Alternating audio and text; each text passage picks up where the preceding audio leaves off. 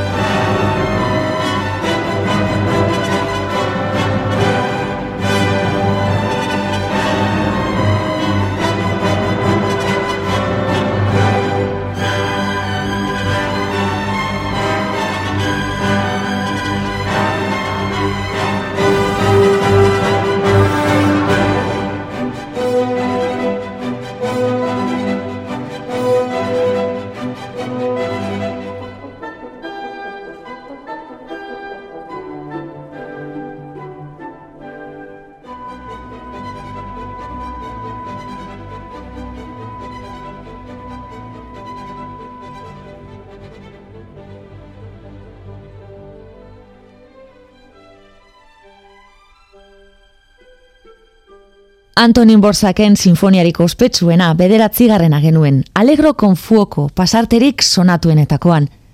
Estatu batuetan bizi izan zen aldi batean, eta garai hartan konposatu zuen. Sinfonia mundu berritik izenez ezagutzen da.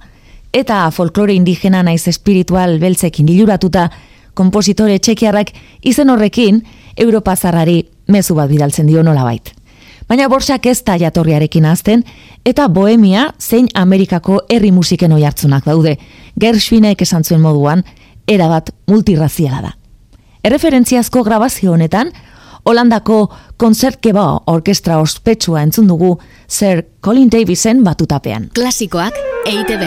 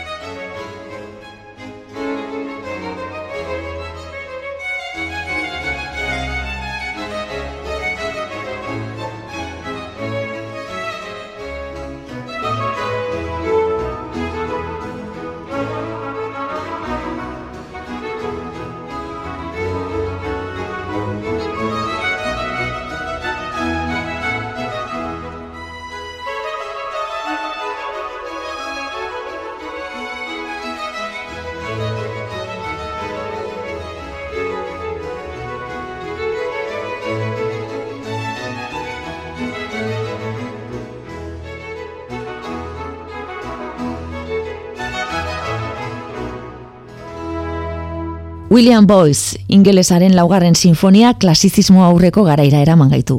Hemezortzigarren mende hasierako Londresen jaioa, St. Paul katedraleko abesbatzan hasi zen aur kantari modura. Organista ospetsua izatera iritsi zen eta errege kaperan eman zituen bere urterik onenak, entzumen arazoekin hasi zen arte. Gorra geratzeraino. Handik aurrera lan handia egin zuen parcel eta aurreko konpositore ingelesen doinuak biltzen. Tamalez, erregearentzat edota Shakespeareen antzeslanetarako doinu ugari idatziak zituen arren, bere musika nahiko gaztua egonda. Boizen laugarren sinfoniaren alegroa eskini digu Kanadako Aradia Ensambolek. Klasikoak eite ben. Labe kaizpak eta bajen koral eder bat orain. Jesus bleibet meine freunde. Jesus gizakien poza.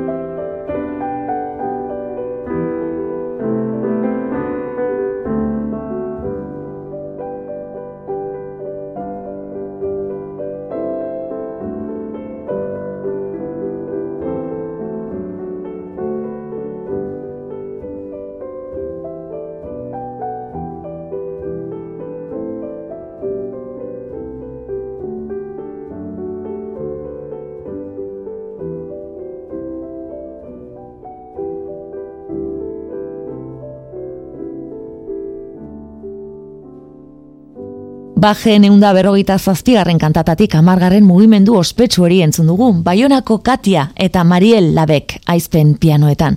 Pianista duo txalotuen amunduan osatzen dute, eta hainbat obra beraientzat propio idatzi izan dizkiote Michael Naimanen tamainako kompositoreek. Gaurkoan ordea, Bach jo dute. Klasikoak eite ben. Labek aizpen ankor diskoan bildutako koral zoragarriaren ondoren, beste harri bitxi bat.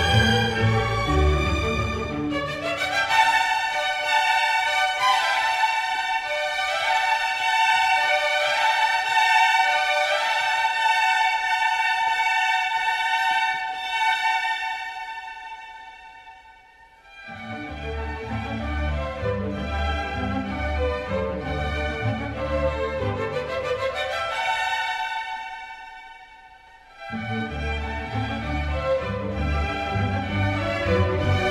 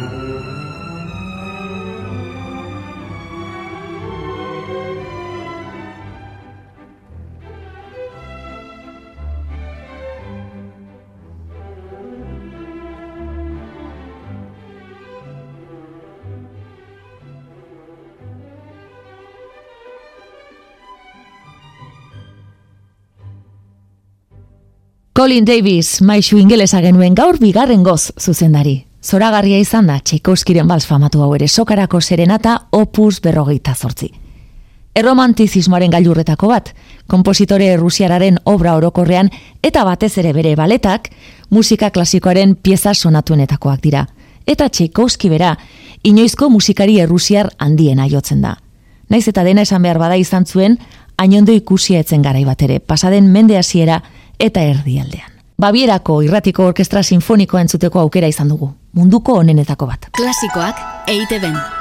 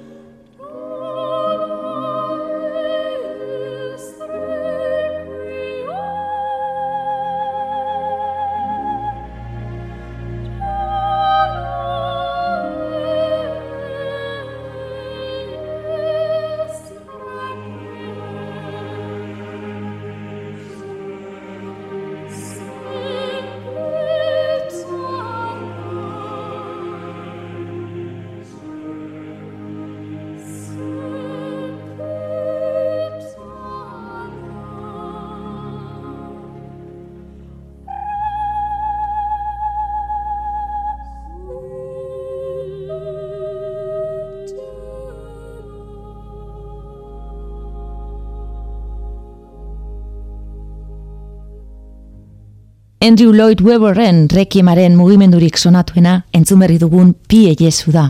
Paul Miles Kingston tipleak eta Sarah Brightmanek abestua entzun dugu. Soprano naiz dantzari ingeles famatu hau, Grammyetara izendatu zuten lan honengatik mila bederatzireun eta laurogeita bostean. Lloyd Webberrek artikulu bat irakurri zuen gerrako mezurtzen gainean, eta horrek inspiratuta idatzi zuen bere obra. Musika garaikidean, Grammy bat irabazi zuen. Klasikoak eite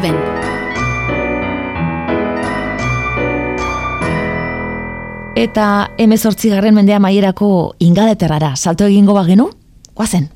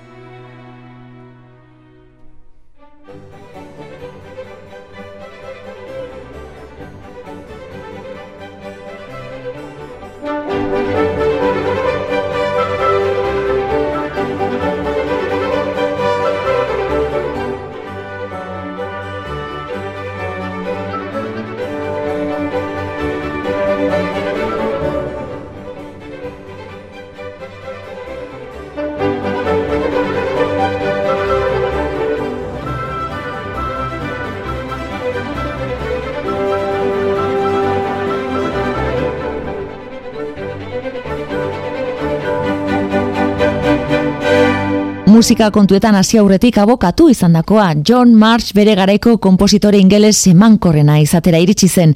Idatzi zituen hogeita emeretzi sinfonietatik zortzigarrenaren alegroa entzun dugu London Mozart Playersen eskutik. Jakin min eta zaletasun askotako gentleman ingelesa izan behar zuen filosofiaz, astronomiaz, edota geometria zekiena esate baterako. Idazle oparoa izan zen baita ere, eta emez hortzigarren mendeko musika eta gizartearen gaineko oso dokumentazio aberatsa bildu zuen. Oso balio handikoa, baina berreun urte geroago arte argitaratu etzena. Klasikoak eite ben.